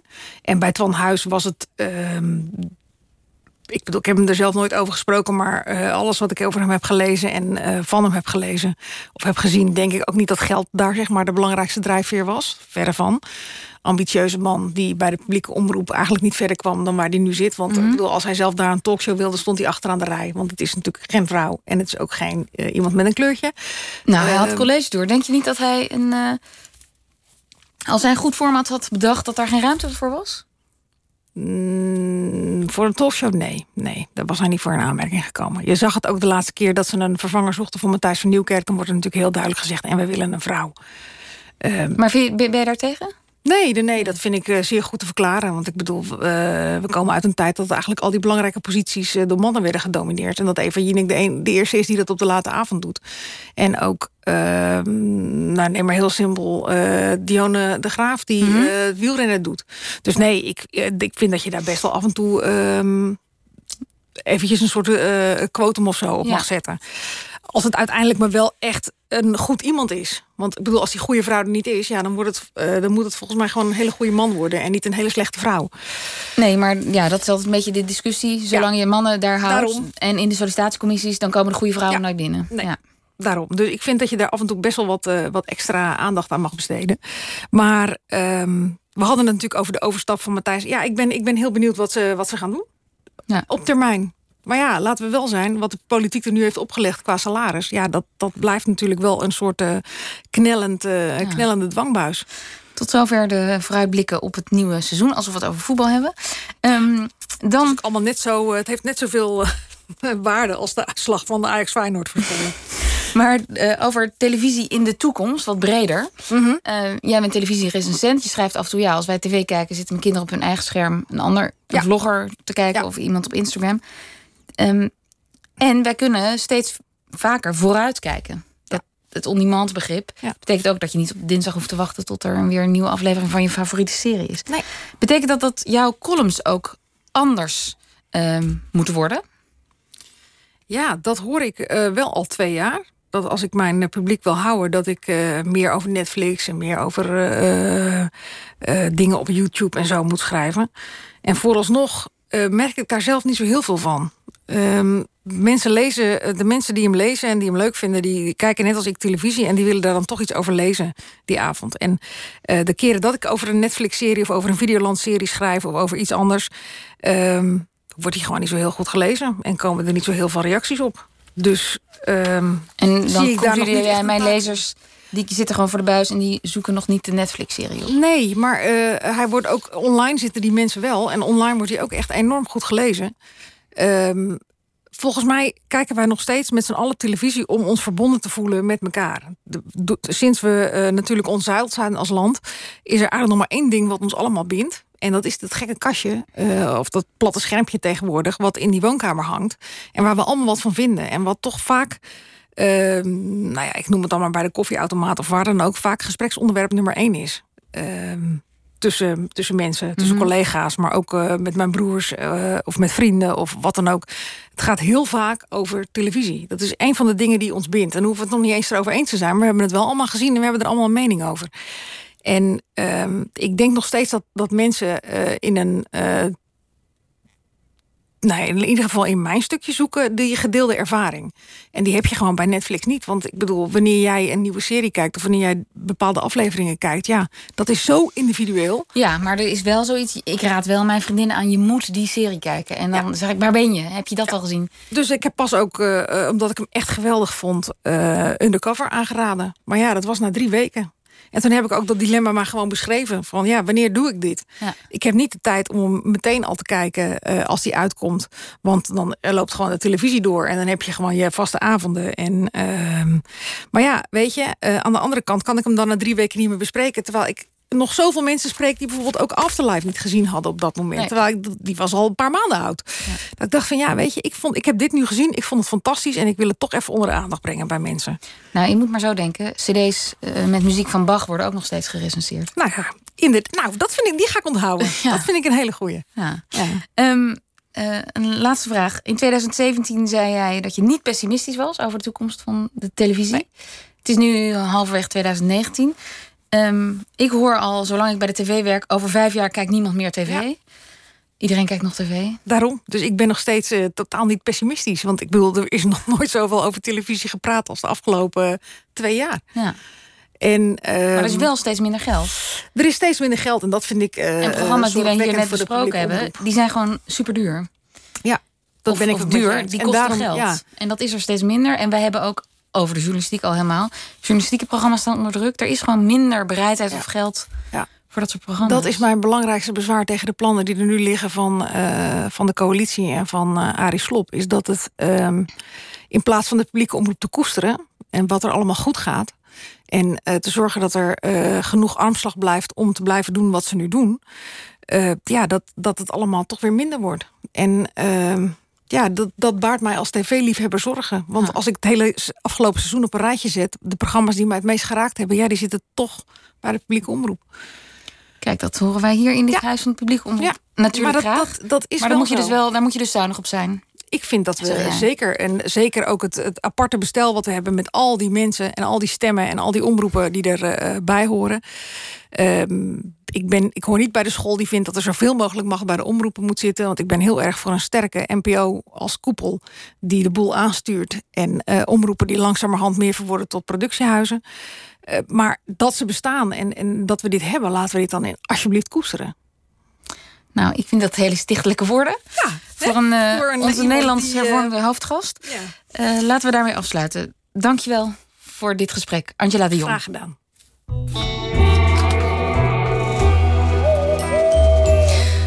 De folkband Paper Towns maakte een liedje over onze hoofdstad. Nou ja, ik weet niet of Angela de Jong dat kan waarderen, maar het past wel mooi bij de nacht. Dit is Amsterdam.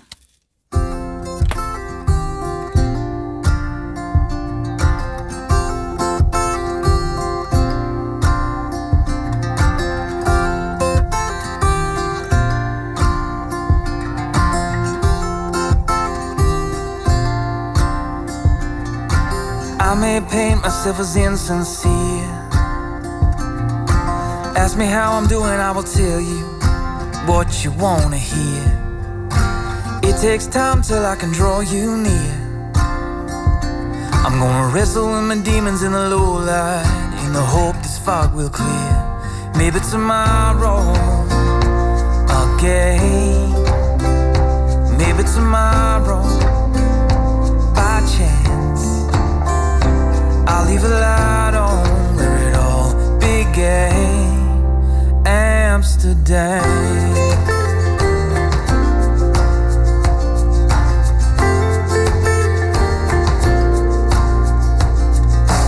Late pictures in a photo booth. Acting all wild and reckless, like there was nothing left to lose. Never learned to wear it on my sleeve. Waited on me so patiently, but in the end you had to leave. Maybe tomorrow again.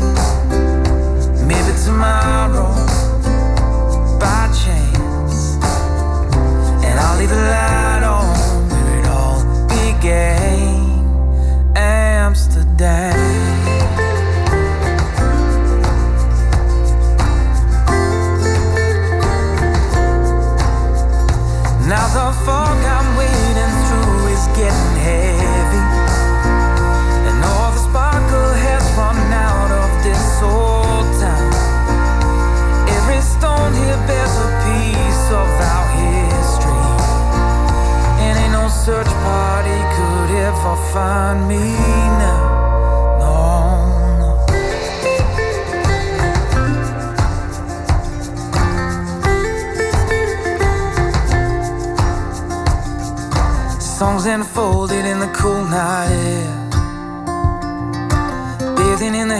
bare feet, and in that summer dress.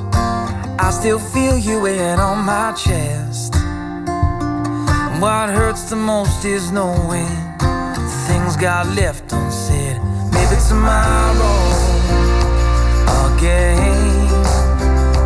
Maybe tomorrow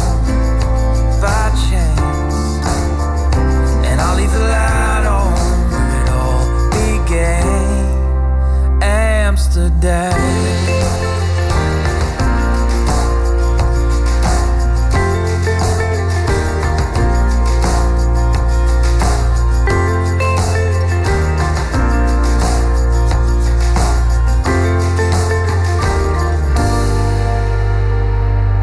Paper Towns hoorde u met Amsterdam. Nooit meer slapen. De podcast Lees Deze zet vergeten auteurs in de schijnwerpers. In de aflevering van vannacht staat de Roemeense schrijver Mihail Sebastian centraal met zijn boek Sinds 2000 jaar. Op de hoek aan de kant van de Elisabetta Boulevard stond een groep geuniformeerde jongens die kranten verkochten. De mysteries van de Kabbalah. Dood aan de Joden. Ik weet niet waarom ik ben blijven staan. Meestal loop ik stilletjes verder, want die leus is zo oud dat hij me bijna vertrouwd in de oren klinkt. In het Roemenië van begin jaren 20 komt een jonge Joodse student tot de ontdekking dat hij zich niet langer thuis voelt in de wereld. Hij wordt bedreigd door antisemitische leeftijdsgenoten.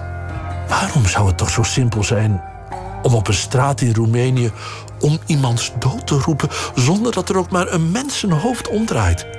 Maar de Joodse student voelt zich ook niet verwant met zijn Joodse leeftijdsgenoten. Welkom bij de podcast over het boek Sinds 2000 jaar. Welkom bij Lees Dees. Dit keer over deze Roemeense roman, geschreven door Michael Sebastian in 1934. Boek dat laat zien hoe gecompliceerd de Roemeense geschiedenis is. Het is een kroniek over veerkracht en wanhoop in tijden van populistische retoriek en oorlogsdreiging. Aan het woord over dit boek van Sebastian komen vertaler Jan-Willem Bos, Hij wordt ervan beticht ook eh, pro-Mussolini te zijn geweest. de van oorsprong Roemeense schrijfster Mira Feticou Hij is echt een vrucht van zijn tijd. en cultuurfilosoof Arnold Heumakers. Het is eigenlijk een, een zoektocht naar identiteit. De roman die de vorm heeft van een dagboek begint in 1923, toen de Roemeense Joden voor het eerst burgerrechten kregen, wat leidde tot felle antisemitische protesten.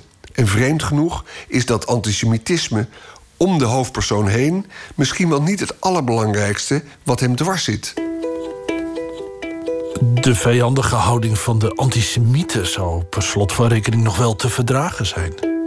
Maar wat moeten we beginnen met onze eigen vijandige houding, met onze eigen innerlijke vijandigheid? Met hen zullen we wellicht, wie weet, op een dag vrede sluiten. Maar wanneer met onszelf? Mira Feticou, die opgroeide in Roemenië nog tijdens het communisme, raakte ooit gefascineerd door Michael Sebastian, die geldt als een van de grote Roemeense schrijvers. Door het feit dat hij zoveel over zijn eenzaamheid praat, dan wil je hem als lezer beschermen. Ik herinner me ja, dat ik alleen schoonheid zag in zijn boeken. Maar als je een beetje, als je verdiept in de generatie en in de tijd, dan krijg je een beetje een ehm, ander beeld, genuanceerd beeld. Dan denk je, hmm, wat was er met hem gebeurd? Tja, wat was er gebeurd met Michael Sebastian? Misschien wel net geboren op de verkeerde plek, in de verkeerde tijd. Hoewel de jaren twintig in Roemenië er aan het begin helemaal niet zo slecht uitzagen. De periode tussen de twee wereldoorlogen in Roemenië wordt ook vandaag de dag nog gezien als een enorme bloeiperiode. Vertaler Jan-Willem Bos. Er zijn andere mensen die daar toch wel vraagtekens bij plaatsen, omdat eh, Roemenië in die periode nog voornamelijk een eh, agrarisch land was, waar heel veel armoede was, waar heel veel ongeletterdheid bestond, heel veel ongelijkheid bestond enzovoort. Maar dat neemt niet weg dat het tegelijkertijd ook een enorme bloeiende cultuur was die nog steeds als heel erg waardevol wordt gezien. Uh, op het gebied van de filosofie, op het gebied van de letteren, op het gebied van de uh, uh, intellectuele ontwikkeling. Veel uitvindingen die in die tijd ook zijn gedaan door Roemenen, die een belangrijke bijdrage hebben geleverd aan de ontwikkeling van de luchtvaart, om er maar eentje te noemen. dus het was een hele belangrijke periode voor, voor Roemenië, een periode ook van democratie, voor zover daar uh, sprake van kon zijn in een land waar zulke grote ongelijkheden bestonden. Maar uh, ja, totdat dat in de jaren dertig in de hele internationale context fout is gegaan, dat heeft nog wel enige tijd geduurd voordat echt een, uh, een nadelige invloed heeft gehad op het Roemeense culturele leven. Maar uiteindelijk is het allemaal stuk gegaan zoals het in zoveel landen stuk is gegaan in de loop van de jaren dertig. Want wat gebeurde er in die periode voorafgaand aan de Tweede Wereldoorlog met Roemenië? En hoe was dat ook alweer tussen Roemenië en de nazi's, et cetera, et cetera? Er was een hele sterke uh, rechtse beweging in Roemenië... die heel nationalistisch was. Die ook enorm uh, steunde op uh, de orthodoxe kerk. En die bijzonder veel antisemitische ondertonen had. nationalistisch orthodox Roemeens betekende eigenlijk automatisch ook antisemitisch. En dat heeft in de jaren 30 geleid tot een uh, regime dat allerlei antisemitische westen heeft ingevoerd, die het leven voor ontzettend veel Joden zuur heeft gemaakt. Um, de echte ernstige vervolgingen zijn pas later gekomen, aan, helemaal aan het eind van de jaren 30 en tijdens de Tweede Wereldoorlog. En in de Tweede Wereldoorlog heeft Roemenië de kant van Duitsland gekozen. Hoewel ze zelf altijd hebben gezegd van we hebben eigenlijk niks tegen Frankrijk en niets tegen Engeland en helemaal niks tegen de Verenigde Staten. Onze strijd is tegen de Sovjet-Unie. Omdat de Sovjet-Unie in 1940 grote stukken van het Roemeense grondgebied had ingepikt. Zo was het dus in Roemenië en in dat land publiceerde Michael Sebastian sinds 2000 jaar. Cultuurfilosoof Arnold Heumakers vindt het een prachtboek. Zo'n persoon is een jonge Joodse rechtenstudent, wat Sebastian ook was. Maar deze rechtenstudent uh, laat de rechten op een gegeven moment uh, los. En volgt een architectenopleiding en wordt ook architect. Terwijl Sebastian zelf is, is, heeft zijn rechtenopleiding afgemaakt. Zijn rechtenstudie en is advocaat geworden naast, naast schrijver. De hoofdpersoon van, van dit boek is eigenlijk geen schrijver... behalve dat hij de dagboek bijhoudt. Verder blijkt eigenlijk nergens uit dat hij ook literaire ambities zou hebben. Een jonge student in de jaren 20, 30 van Roemenië. Het is eigenlijk een, een zoektocht naar identiteit. Uh, dit, want deze jongen heeft een, uh, heeft een wonderlijke uh, attitude ten aanzien van, van zijn Joodse afkomst, die op dat moment erg, het erg zwaar heeft. Want het, Roemenië is een land waar, waar een uitermate uh, fanatiek en wijdverbreid antisemitisme heerste, zeker in die tijd. Wat ongeveer blijkt, uh, onder andere eruit blijkt dat, dat die rechte studenten in elkaar worden geslagen, de collegezaal worden uitgezet of de toegang wordt geweigerd door antisemitische medestudenten. En dan zou je verwachten, nou ja, de, de Joden vertonen onderlinge solidariteit. Maar het opmerkelijke is dat deze hoofdpersoon dat niet heeft. Die, heeft een soort, die krijgt een soort afkeer van zijn eigen uh, Joodse, Joodse inborst... en, van zijn eigen, en zeker van zijn, van zijn medestudenten... die overigens stuk voor stuk allemaal een, een mogelijke houding... ten opzichte van dat antisemitisme vertonen. Je komt een Zionist tegen, je komt een Marxist tegen. In de trein komt hij een, eh, een man tegen die, zeg maar, een boekhandelaar die de uh, Jiddische cultuur vertegenwoordigt. Maar hij kiest zijn eigen weg. En hij is iemand die, die eigenlijk een soort estate is. Hè, die zich afstandelijk vertoont, betoont. En tegelijkertijd uh, zeer onder de indruk is van een, van een, van een charismatische leraar. Een hoogleraar. Uh, Blidarou heet hij in, uh, in, de, in de roman. In werkelijkheid heette hij Nee Ionesco. Hoogleraar filosofie. Die op een hele generatie Roemenen, Roemeense jongeren invloed heeft uitgeoefend. En deze man die neemt eigenlijk, daar, daar levert die jongen zich eigenlijk, de hoofdpersoon zich aan over. En die zegt ook, je moet een wat aardser beroep hebben. Je moet met, met je beide voeten op de grond komen te staan. En daarom moet hij architect worden. En dan uh, worden dat getop over al die dingen. Uh, dat antisemitisme en dergelijke. Dat wordt dan ook wel weer minder. Dat wordt niet echt zo gezegd, maar dat is wel het resultaat. Hij wordt architect. En dan zie je ook dat, uh, dat zeg maar, zijn gevoeligheid voor die antisemitische uh, tegenslagen die hij, uh, die hij krijgt, dat dat verdwijnt. En dan komt er ook meer aandacht voor problemen die buiten hemzelf liggen. Bijvoorbeeld, wat, wat moet er met Roemenië gebeuren? Een hele episode, dan is hij al architect en werkt op het platteland in dienst van een Amerikaanse mijnbouwfirma. het probleem is, dat moet, moet het platteland moderniseren. Of moet het zich juist zeg maar, bij de oude traditie houden. En dan komen weer die uh, hoogleraar en deze jongen tegenover elkaar te staan. De hoogleraar is voor de traditie, hij is voor de moderniteit. En uh, uiteindelijk uh, kun je zeggen, is, zit daar ook weer een mogelijkheid in als, als identiteit voor die hoofdpersoon. Moet hij modern worden, moet hij traditioneel worden. En hij kiest zijn eigen weg. En hij zegt, ik ben een Jood. Dus hij accepteert zeg maar, zijn Joodse conditie. Ook het antisemitisme daarbij realiseert zich... ja, dat is een soort metafysisch noodlot wat ons nu eenmaal treft. Er is geen enkele redelijke argumentatie voor te bedenken. Er komt personages tegen die dat proberen... maar dat, dat, dat lukt niet bij hem. Hij weigert dat te accepteren. Maar hij accepteert wel het feit dat dit erbij hoort. Maar hij zegt...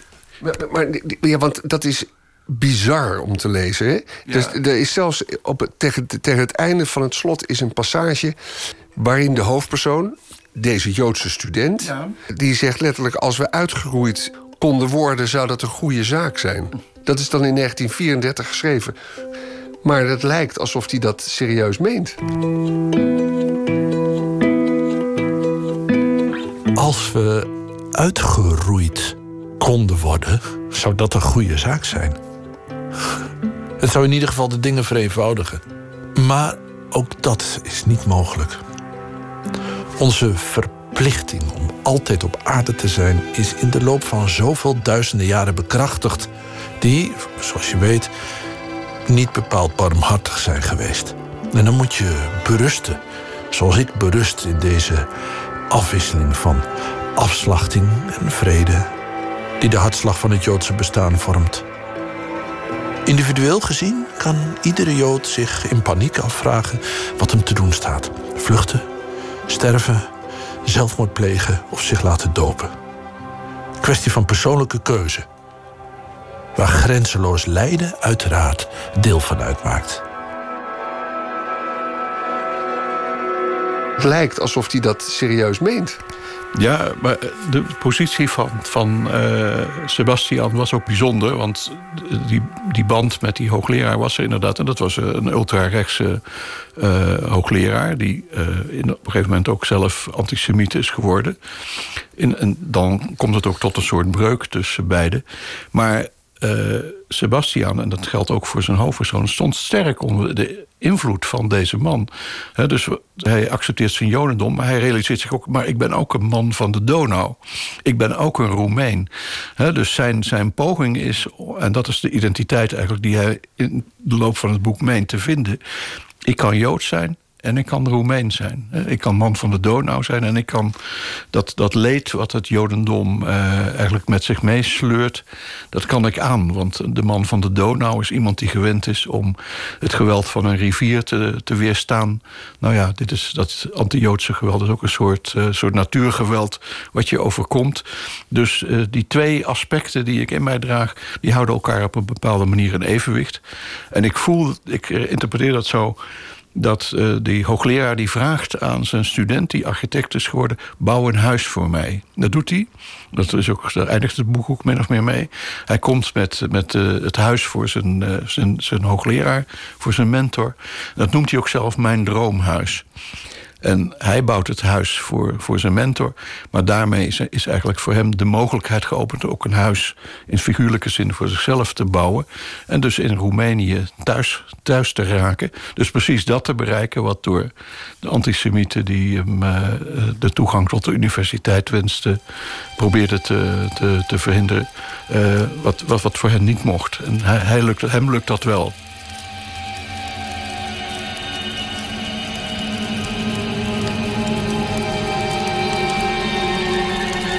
Heeft iemand ooit meer behoefte gehad aan een vaderland? Een stuk aarde? Een horizon met planten en dieren?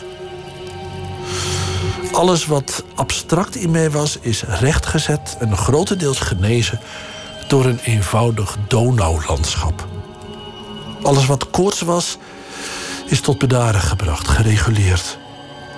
Ik weet niet hoe ik zou zijn geweest als ik ergens anders was geboren. Ik ben er slechts van overtuigd dat ik anders zou zijn geweest. Mijn Joodse voorliefde voor innige rampspoed, daar heeft de rivier het voorbeeld van zijn majestueuze onverschilligheid tegenovergesteld. Tegenover mijn innerlijke verwikkelingen heeft hij de eenvoud van het landschap gezet. Aan de onzekerheid, de onrust heeft hij het spel van de vergankelijke en eeuwige golven getoond.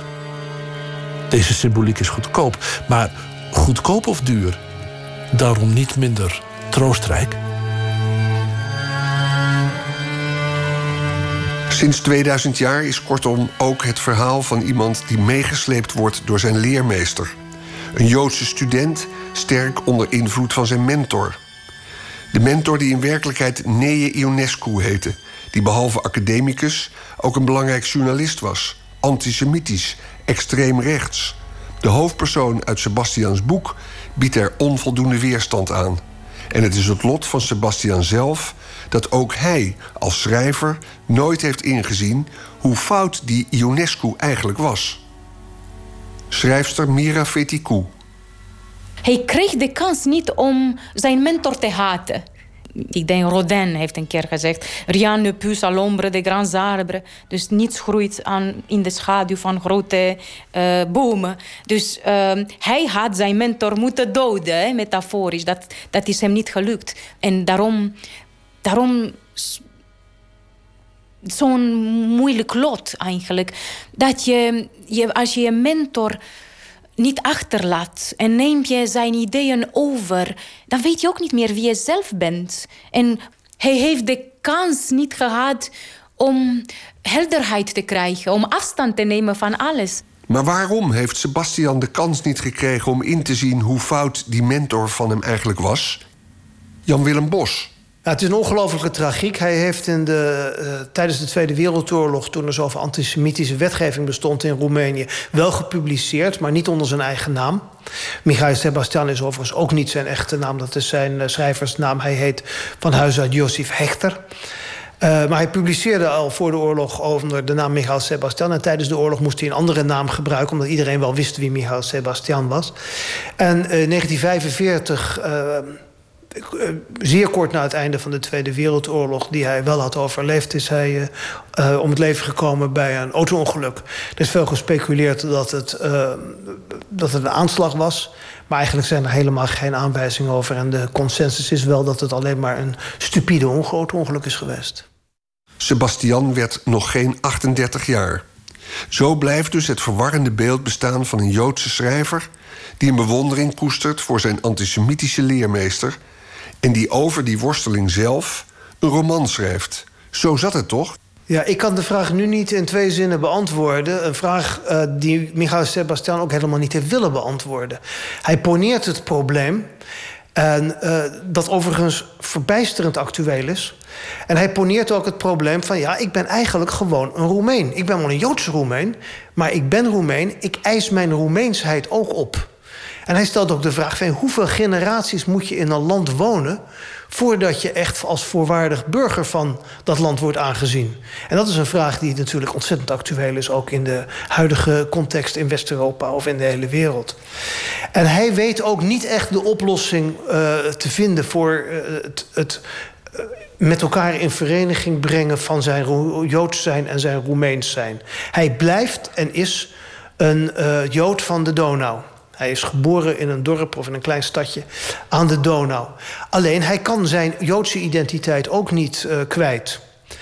Uh, die kan hij niet van zich afleggen, hij kan hem niet afschudden. En hij analyseert in het boek met voorbeelden ook wat bepaalde mensen doen met hun Joods zijn. Sommigen worden zionistisch, anderen worden communistisch, anderen uh, benadrukken uh, de cultuur van het Joodse ghetto met uh, het Jiddisch dat daarbij hoort, enzovoort. En uh, hij komt niet met een panklare oplossing. Hij poneert het probleem waar hij volgens mij zelf ook altijd mee geworsteld heeft... en waar hij ook niet helemaal uitkomt.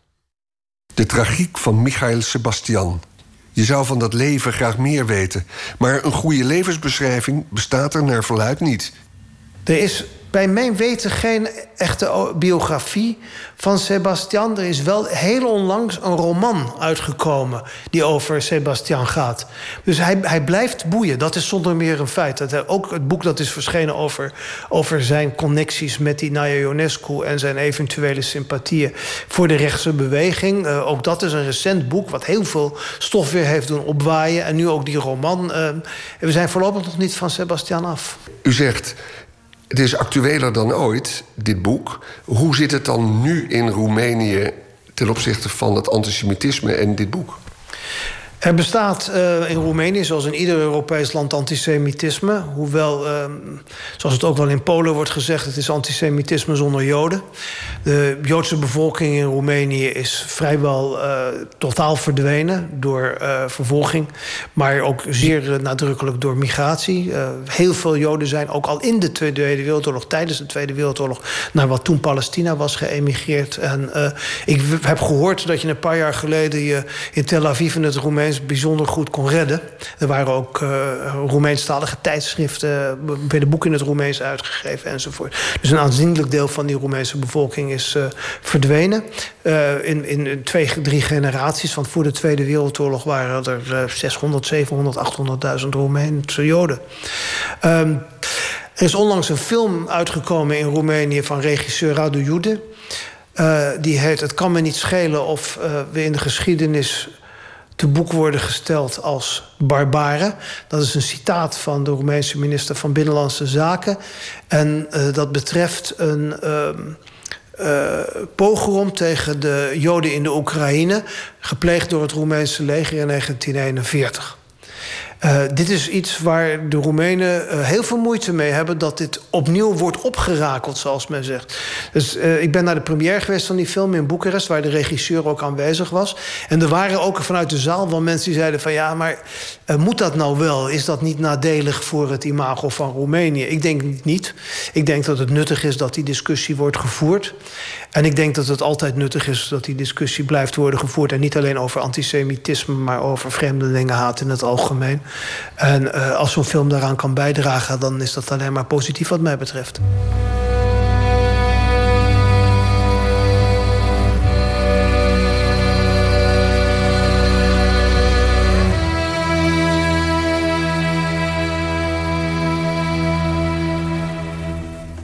Nog even terug naar Mira Fetikou. De schrijfster, geboren en opgegroeid in Roemenië en pas rond haar dertigste geëmigreerd naar Nederland. In Roemenië werkte ze als programmamaker bij de Nationale Radio en inmiddels, een jaar of twaalf in Nederland, publiceert ze boeken in het Nederlands, waaronder recent de roman Al mijn vaders.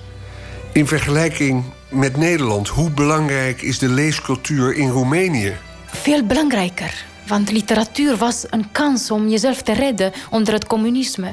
Het boek was, ja, het was een, een, een nieuwe wereld, een, een, vrije wereld voor de intellectueel, maar niet alleen voor de intellectueel in Roemenië. Boeken zijn uh, ietsje heiliger in Roemenië dan in Nederland. En ik ben opgegroeid met, um, met zo'n geloof. Geloof in boeken, in het boek. Geloof in de kansen die um, de boeken geven. En um, wij zaten, of we stonden in de rij voor olie en brood, maar ook voor boeken.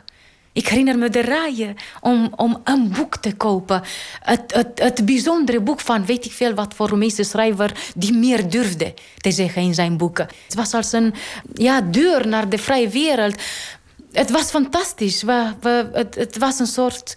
Uh, ik had thuis ook een, uh, boeken die uh, eigenlijk illegaal waren. Die, die niet in de boekhandel, niet in een bibliotheek te vinden waren. Een soort samizdat door hand geschreven. Ik herinner me, ik heb van de generatie van Michael Sebastian, Constantin Noika, een andere filosoof, die uh, een boek heeft geschreven, Bid voor de broer Alexander. En de eerste, voor, voor het eerst las ik dat je voor de, degene met de macht kan bidden. Want hij is een verliezer. Oh, wat heeft dat met mij gedaan? Wat heeft dat met mij gedaan? Ik herinner me dat ik kort kreeg van, van te veel ideeën in mijn hoofd. Te veel, um, een, te veel wind, intellectuele wind in mijn lichaam. Het was fantastisch. Ik, ik, uh, ja, dus dit is het boek in Roemenië. Zo was dat in mijn tijd en zo is wel gebleven. Ik, uh, boeken zijn veel belangrijker dan het leven voor een intellectueel. En die generatie van die omstreden, maar eveneens geliefde Sebastian, waartoe ook de filosoof Sioran behoorde. We zijn nog niet van ze af, hoorden we net Jan-Willem Bos zeggen. De generatie wordt wel gemist in Roemenië. Ik las gewoon een paar artikelen waarin um, ja, jonge intellectuelen um, zeggen: we hebben zo'n generatie nodig. Ik zeg op het Turks aferim. Dus dat betekent uh, liever niet uh, God uh, verhoeden. Want het was inderdaad een bijzondere generatie. Maar um, ja, deze generatie heeft ook vreselijke dingen gedaan. En ook, ik hoop dat we generaties krijgen met, met een geweten, met een moraal. Eigenlijk ja, dat mis ik. En meer antennes voor de moraal. Ja. Laten we dit boek dan interpreteren als een boek waarin we eigenlijk als lezer nu een soort oproep lezen om een moraal en om een ethisch oordeel. Hè? Laten we dat dan zo zien. En waarom ging je nou net Turks praten? Het is ook een, Roem een Roemeens woord eigenlijk uit het Turks. Maar ja, uh, aferim. ja, het is... Um, ik weet niet, ik denk dat ik... Uh, in Nederland ben ik ook verliefd op, het Turks, uh, op de Turkse taal geworden. In Roemenië zijn de Turken de vijanden. Ik ben naar Nederland gekomen en heb dat ontdekt. Dat ik heel dicht bij de Turkse taal ben eigenlijk. En ja, afarim. Aferim, ja. Aferim. En dat betekent? Uh, God vergoeden, als ik het goed heb. Ja. In het Roemeens zeker, ja. ik heb in mijn groene schrift de bladzijde van vorig jaar herlezen. Wat was ik toen jong? Op een dag zal ik zover zijn dat ik geslagen kan worden... zonder dat dit ook maar enige invloed heeft op mijn geestelijke rust of onrust. Misschien is dat de enige manier om sterk te staan... Evenzo verwacht ik dat er nog een hoop klappen voor mij in het verschiet liggen.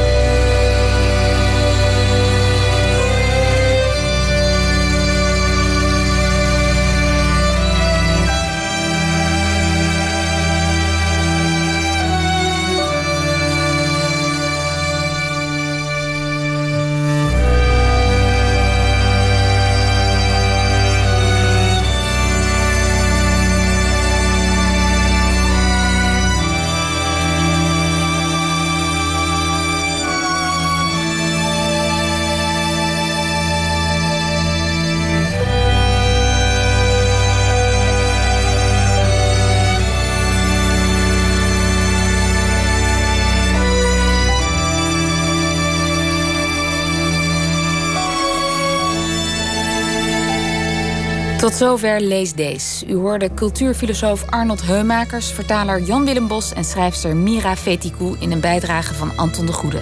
Lees Dees wordt mogelijk gemaakt door het Nederlands Letterenfonds. En ik vertel nog iets over maandag. Dan praat Pieter van der Wielen met filmmaker Deborah van Dam. In haar nieuwe serie We zien ons volgt ze de inwoners van Geleen. Een plaats die worstelt met eenzaamheid. Dat en meer aanstaande maandag. Nu kunt u luisteren naar nachtzuster Astrid de Jong. Ik wens u een goede nacht.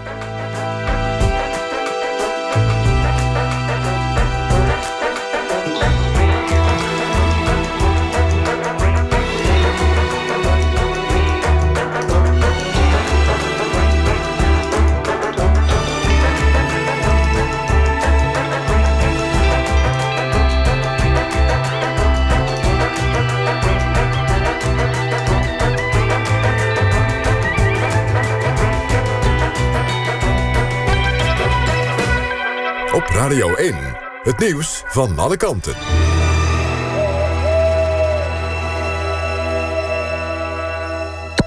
NPO Radio